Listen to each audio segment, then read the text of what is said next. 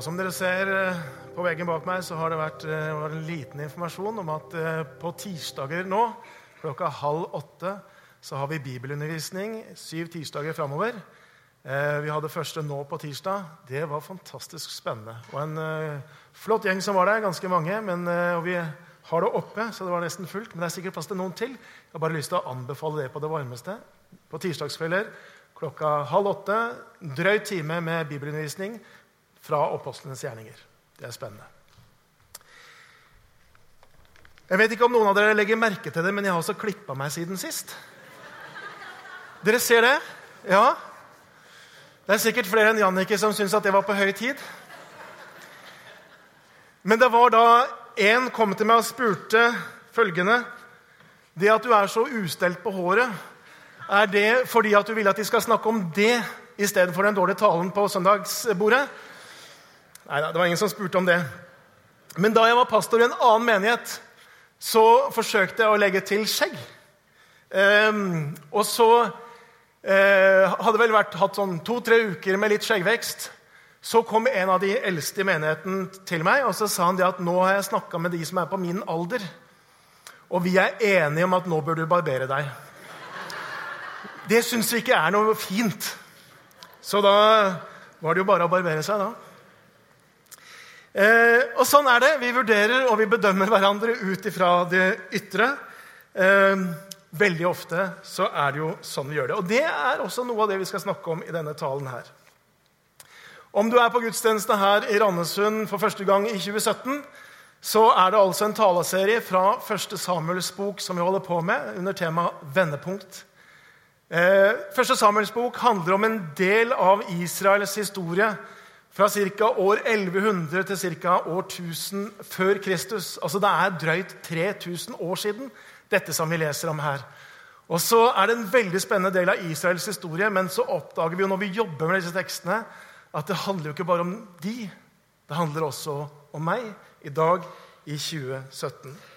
Og Noe av det vi hører om, er bl.a. dette at Israel de ønska seg en konge. Eh, og så hører vi om hvordan de får det. Saul, David, Salomo osv. ble konger i Israel. Og Israel ba om å få en konge som alle andre folkeslag hadde. talte vi om her for litt siden. De ville ha det sånn som de andre. Og så var det akkurat det de fikk. Saul, Israels første konge, han var en konge som alle andre. Egoistisk, opptatt av seg sjøl, ville gå sin egen vei og etter hvert så ble han mer og mer herskesyk, mistenksom og paranoid. Og I 1. Samuels bok, kapittel 13, 14 og 15, så hører vi hvordan Saul har disse dype fallene. I hvert fall tre sånne dype fall hvor han svikter Gud og Guds ord. Og Noe som var Sauls hovedproblem, det var dette at han stolte ikke egentlig på Gud. Han dyrka Gud, han ofra, og han kunne på en måte opptre veldig åndelig noen ganger. Men dypest sett i sitt hjerte så hadde han ingen tillit til Gud. og Derfor så ender han så ofte opp i situasjoner hvor han handler sånn han tenker han burde, sånn han tenker han skulle, det som han tenker er en klok vei. Og så er det noe annet enn det Gud har sagt. Og når Saul blir konfrontert med sine fall og sine nederlag, ja, så er ikke Saul engang mann nok til å erkjenne det. Og Isteden kom han med masse bortforklaringer. 'Jeg trodde, men de skulle', osv. Det er som et ekko fra Adam i Edens hage. Og til slutt så er det ingen flere sjanser igjen for, eh, for Saul som konge over Israel, og Samuel må gi han den tunge beskjeden. Fordi du har forkasta Herrens ord, har han forkasta deg som konge. Og så er vi egentlig der ved vår tekst, første Samuels bok, kapittel 16 nå.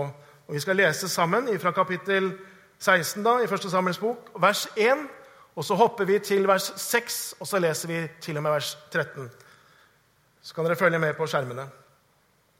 Herren sa til Samuel, 'Hvor lenge vil du sørge over Saul?' 'Jeg har forkastet ham som konge over Israel.' 'Fyll hornet ditt med olje og gå.' 'Jeg sender deg til Isai i Betlehem.' For jeg har sett meg ut en av hans sønner til konge. Da de så kom, og han fikk se Eliab, sa han til seg selv, her foran Herren står nå han salvede. Men Herren sa til Samuel, se ikke på hans utseende og høye vekst, for jeg har forkastet ham. Her gjelder ikke det som mennesker ser, for mennesker ser på det som øynene ser, men Herren ser på hjertet. Da ropte Isai på Ibinadab og lot han tre fram for Samuel. Men Samuel sa, 'Heller ikke ham har Herren utvalgt.' Så lot Isai Shamma tre fram, men Samuel sa, 'Heller ikke ham har Herren utvalgt.' Slik lot Isai de syv sønnene tre fram for Samuel, men Samuel sa til Isai, 'Herren har ikke utvalgt noen av disse.' Da spurte Samuel, 'Var dette alle guttene dine?' Nei, svarte Isai, det er enda en igjen, den yngste. Han er ute og gjeter småfe. Send bud etter ham, sa Samuel. Vi setter oss ikke til bords før han kommer. Så sendte Isai bud etter ham. Han var rødkinnet, hadde vakre øyne og et godt utseende, og Herren sa, Reis deg og salv ham, for han er det. Da tok Samuel hornet med olje og salvet ham midt blant brødrene hans. Fra den dagen kom Herrens ånd over David og var med ham siden. Så brøt Samuel opp og dro tilbake til Rama. Skal vi be. Kjære Jesus Kristus, jeg takker deg for ditt ord. Takker deg for at vi kan få lov til å lese det, og så kan vi få lov til å tro at dette er ditt ord, som er for oss, Herre. Og jeg ber om at du skal åpenbare ordet ved dine ånd, og må du tale inn i våre liv, Herre. Må du tale og bruke ditt ord til det du ser vi trenger, Jesus, denne dag. Amen. Vi skal snakke om gjeterkongen David i dag. Men det var en setning her som jeg ikke på en måte kunne komme unna, og som blir kanskje en liten parentes. Men den slapp ikke tak i meg. Og så tenkte jeg kanskje er det noen av dere som på en spesiell måte trenger akkurat å høre dette i dag. Men i vers 1 så sier nemlig Gud til Samuel, 'Hvor lenge vil du sørge over Saul?' Og Det var dommeren og profeten Samuel som hadde salvet Saul til konge og innsatt ham til konge over Israel. Og så blir han på en måte et vitne til hvordan Saul bare går lengre og lengre og lengre bort ifra den plan, den vei som Gud hadde for han. Det er så mange vendepunkter i Saul sitt liv, så mange ganger hvor han kunne ha gått Guds vei. Og så velger han heller sin egen vei. Samuel, hans mentor, hans åndelige far jeg tenker Han kjenner helt sikkert på at han mislykkes i tjenesten. Kanskje stiller han seg spørsmålet hva har jeg gjort feil?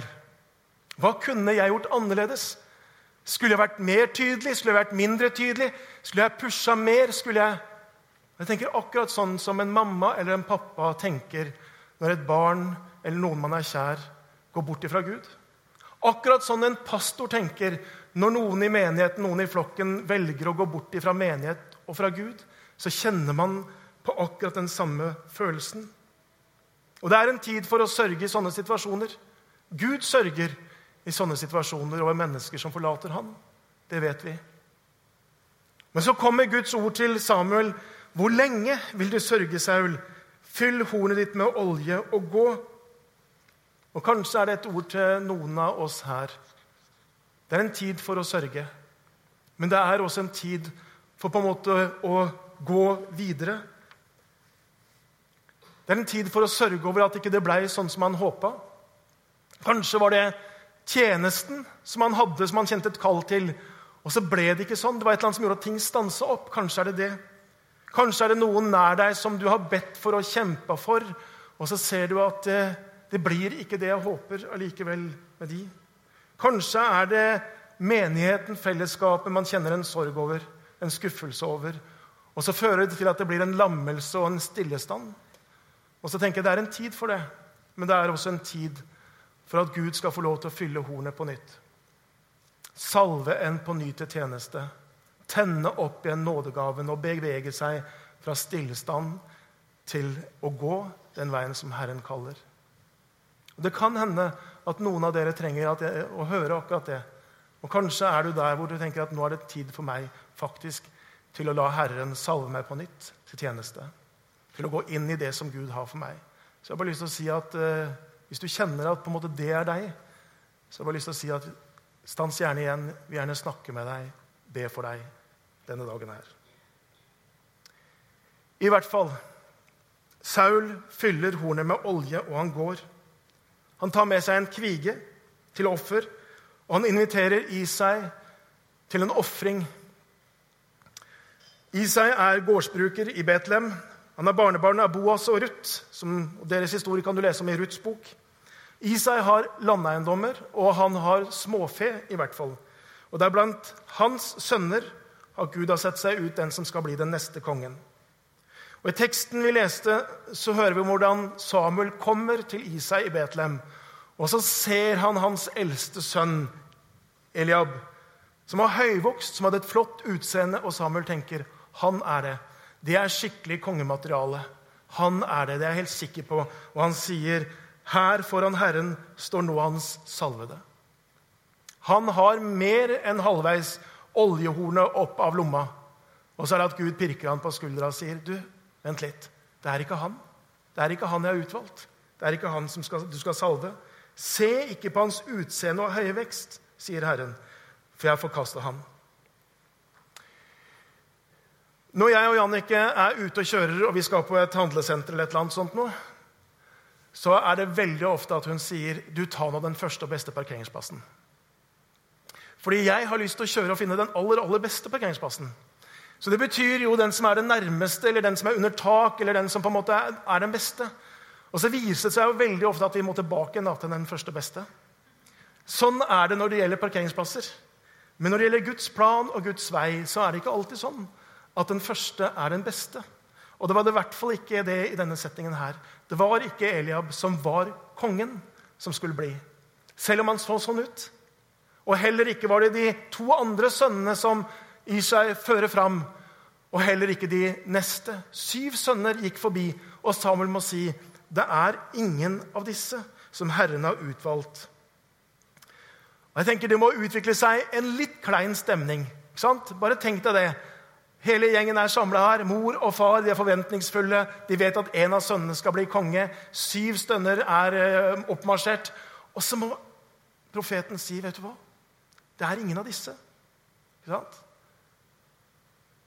Og så sier Samuel, 'Men si meg, har du ingen andre? Er det ingen andre sønner du har?' Jo, sier Isai, det er en til. Det er en, den yngste. Han er ute på marken og, og gjeter. Småfe, sauer og geiter, kanskje. Og så sier Samuel, 'Vet du hva, gå ut og hent han.'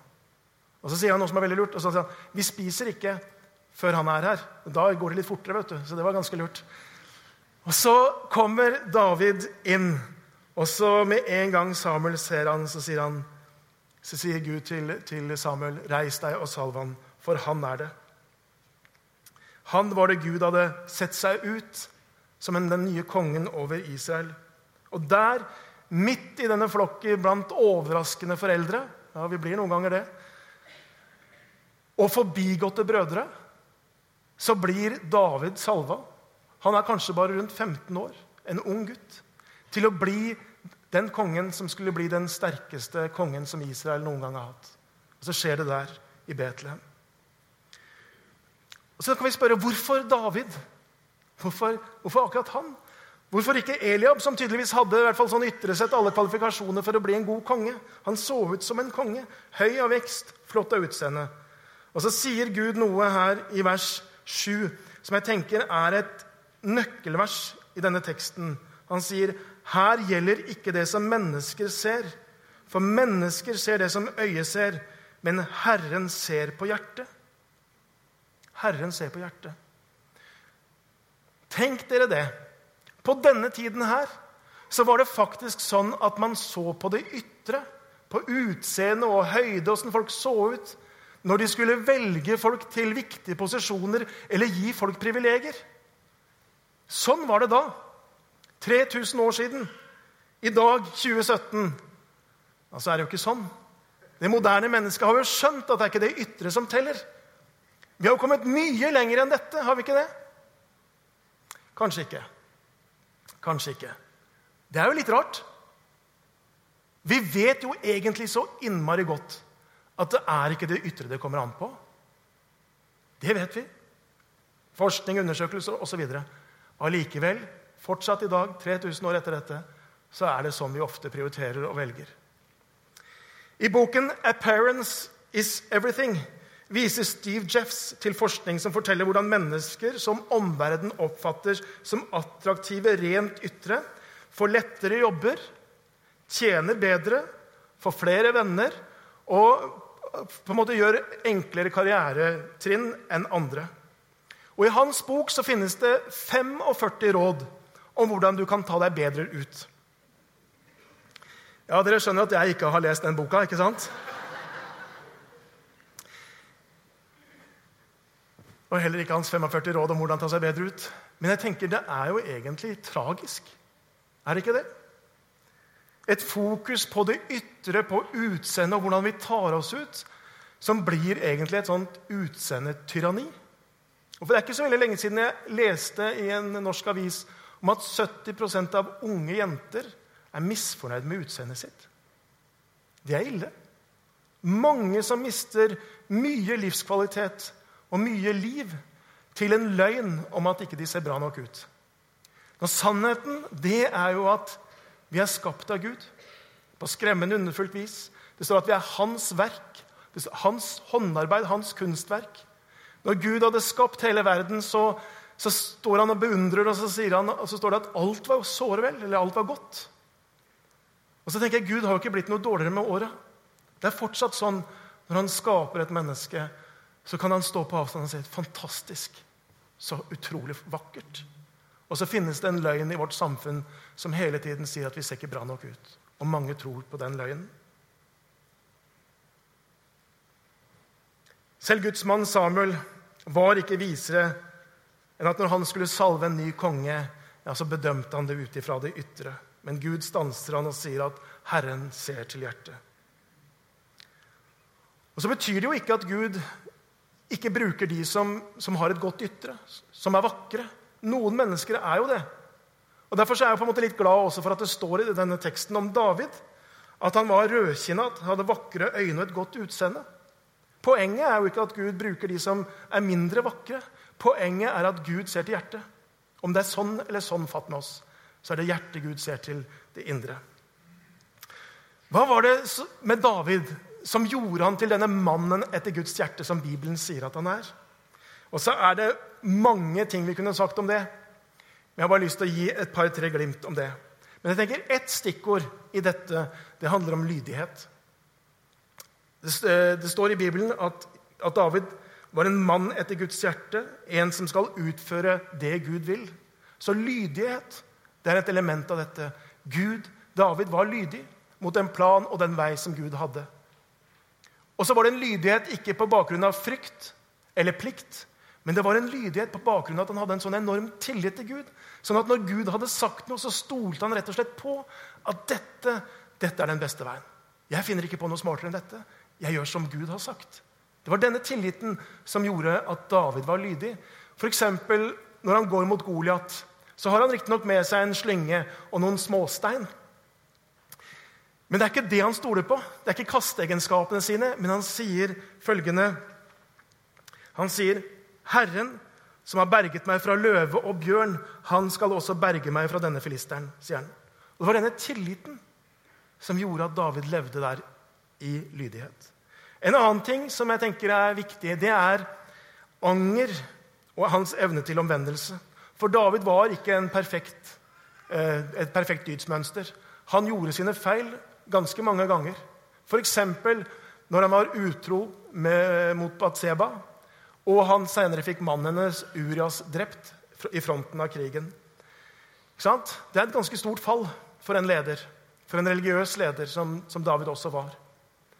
Men det som er det at når Nathan, profeten, kommer til han, konfronterer han og sier 'Du er mannen', ja, så gjør ikke David det Saul alltid gjorde med å bortforklare og unnskylde seg, men David bare sier, 'Jeg har synda mot Herren'. Jeg har synda mot Herren. Og så er det en dyp fortvilelse og en erkjennelse og en bekjennelse. Og jeg tenker at Noe av kvaliteten i et menneske viser seg jo akkurat når vi er der, når vi har på en måte bomma, når vi har gjort noe sånt noe. Hva er det vi da gjør? På en måte Er det skylde på andre og forsvare oss, eller er det en erkjennelse og en bekjennelse? Og så vet vi hva Guds ord sier. At Dersom vi bekjenner våre synder, så er Han trofast og rettferdig og, renser oss, og, og tilgir oss syndene og renser oss fra all urett. Det er den Gud vi har med å gjøre. Men han vil at vi skal bekjenne og åpne opp. David var en sånn en. Bare et lite siste stikkord om David.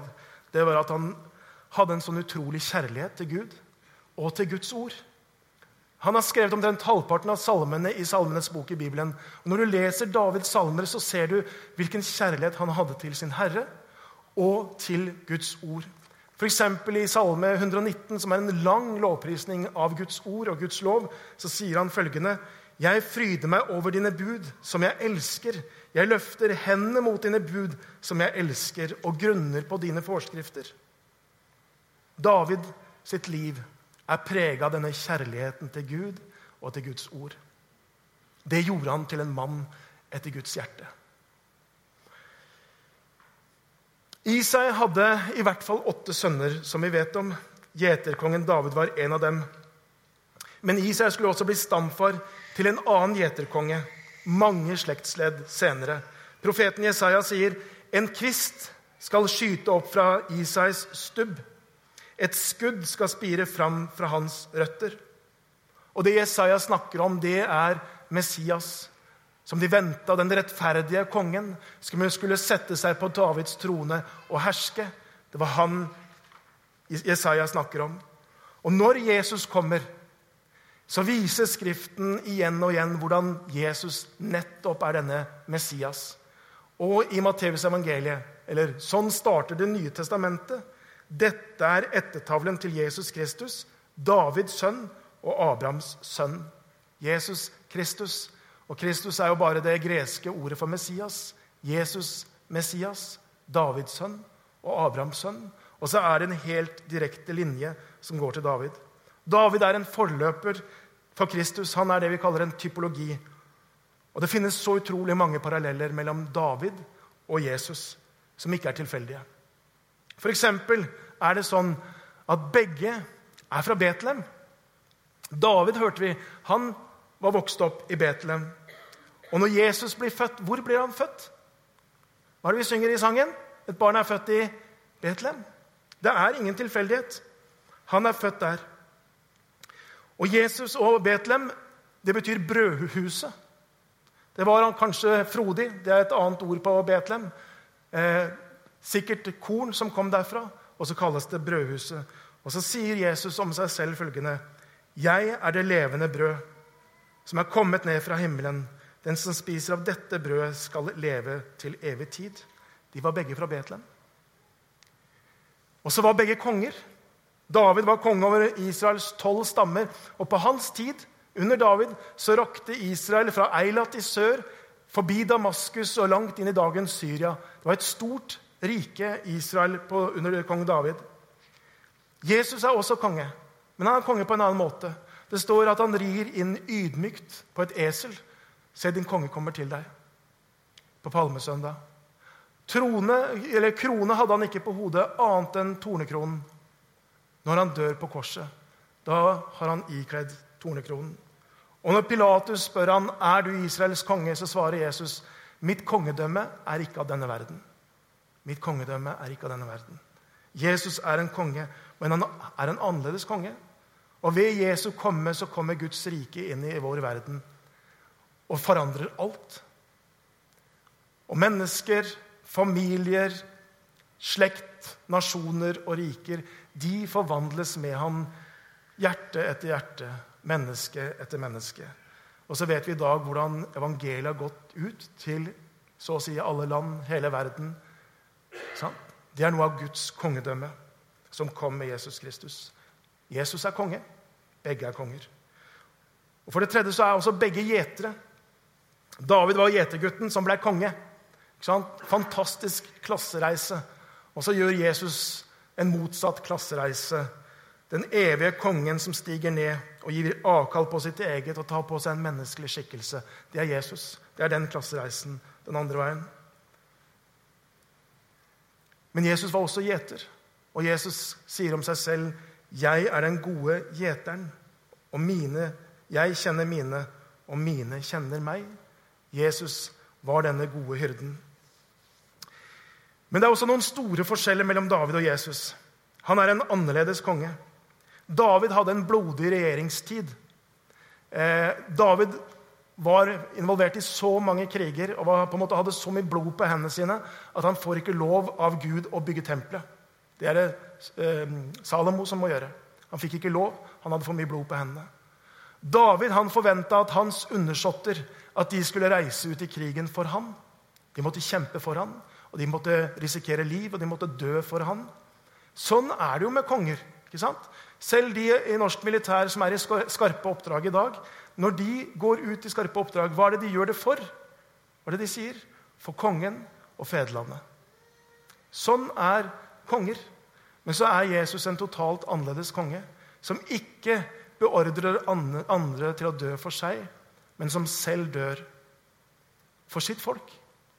En sånn konge er Jesus, som gir sitt liv for sitt folk for hele verden.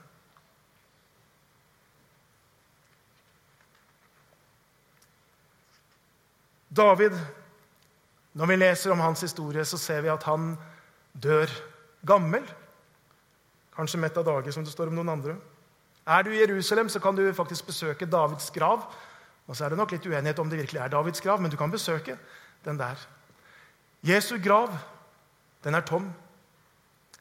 Han døde, men han står opp igjen, og han lever. Han triumferte over makter og myndigheter, og så lever han i dag. Og så er det den oppstandende Kristus som gir håp om at døden ikke er slutten, at det finnes et evig liv. Det er den oppstandende Kristus som står der overfor sine disipler og overfor oss og sier 'meg er gitt all makt i himmel og på jord'. Han er en regjerende konge, den oppstandende Kristus. Det er den oppstandende Kristus som en dag skal komme igjen, og som skal sette alle ting i rette stand. Det er den oppstandende Kristus som skal gjøre det. Jesus er i det fulle. Det David på mange måter er som en skygge, så er Jesus det i det fulle. Bibelen sier at David var en mann etter Guds hjerte. Og Teksten vi starta med fra 1. Samuels bok, så sier Gud til Samuel at her gjelder ikke det som mennesket ser. For mennesket ser det som øynene ser, men Herren ser på hjertet. Gud lar seg ikke imponere over vårt ytre, vår disiplin, vår gode gjerninger eller hvor høyt vi løfter hendene under lovsangen. Gud lar seg ikke imponere over det, men Gud ser til hjertet.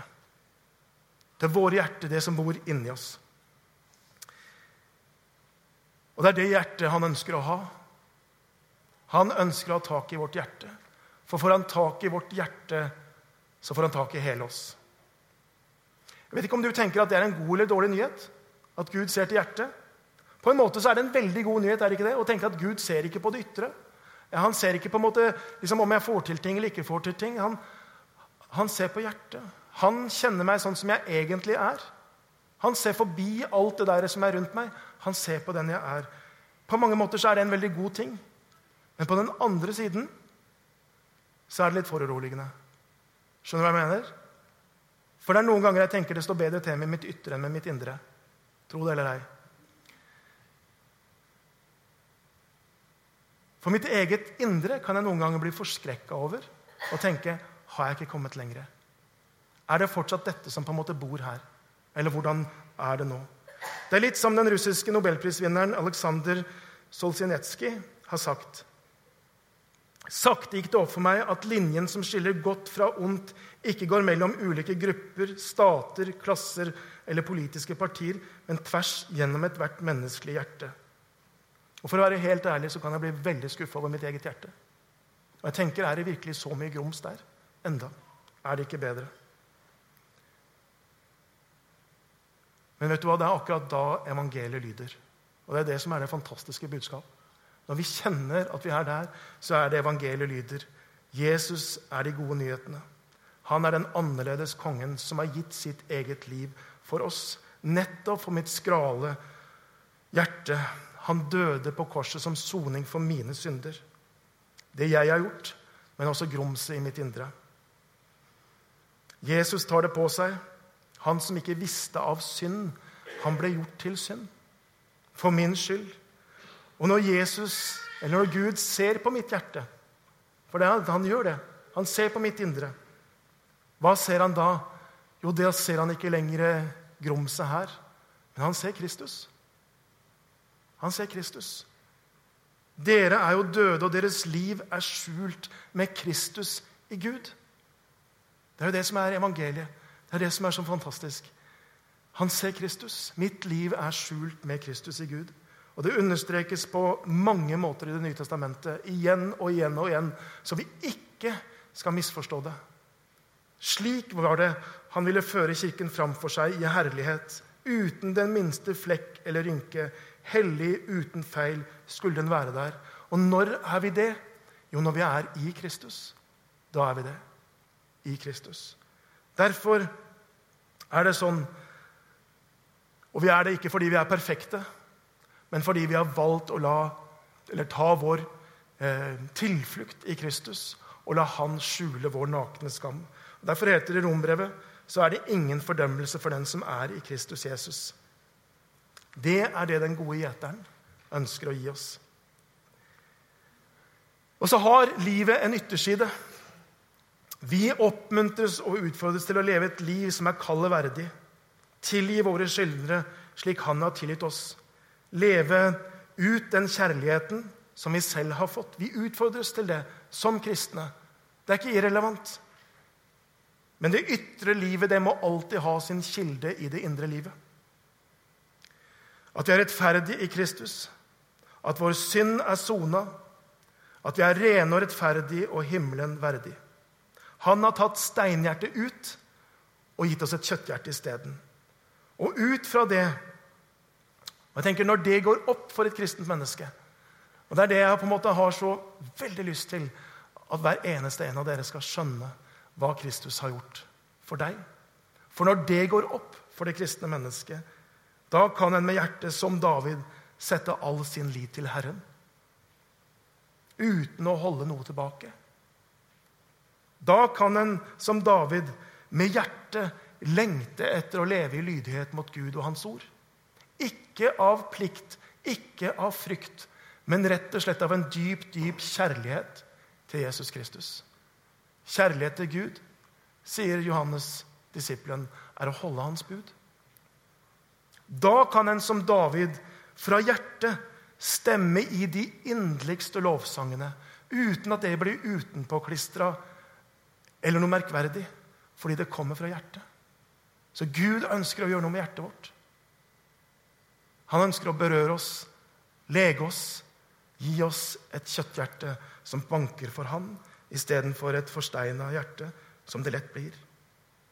Det er lett at troslivet blir noe ytre, noe vi gjør, eller i hvert fall innimellom gjør, eller noe vi på en måte vi ter oss på. Men det er hjertet vårt Gud vil ha. At vi gir Han vårt hjerte og lar Han få lov til å gjøre sitt verk i oss. Forme våre liv. Og Vendepunkt, som vi snakker om i denne serien, her, det viktigste er ikke å ta seg sammen, det er ikke det vi snakker om, men å gi Han vårt hjerte, vårt alt. Keith Green synger i en sang følgende Gjør mitt liv til en bønn for deg. Gjør mitt liv til en bønn for deg. En fantastisk flott formulering. Gjør mitt liv til en bønn til deg. Jeg vil gjøre det du vil jeg skal gjøre. Ingen tomme ord, ingen hvite løgner, ingen tomme bønner ingen kompromiss. Våre liv kan bli en sånn hjertebønn til Gud. La oss be. Kjære Jesus Kristus. Jeg takker deg for budskapet til oss i dag om ditt grensesprengende evangelium. Om din kjærlighet mot oss. Om din nåde som oppdrar oss. Og så ser du vi som sitter her, Jesus, og du kjenner den enkelte. Og så ser du om det er noen ting du på en spesiell måned ønsker å få lov til å gjøre i våre liv. Og så ber jeg deg at vi må slippe deg til, Jesus. Det er det eneste du ønsker. At vi slipper deg til. At vi inviterer deg inn i våre liv, Jesus. Må du gi oss styrke til å gjøre akkurat det. Amen.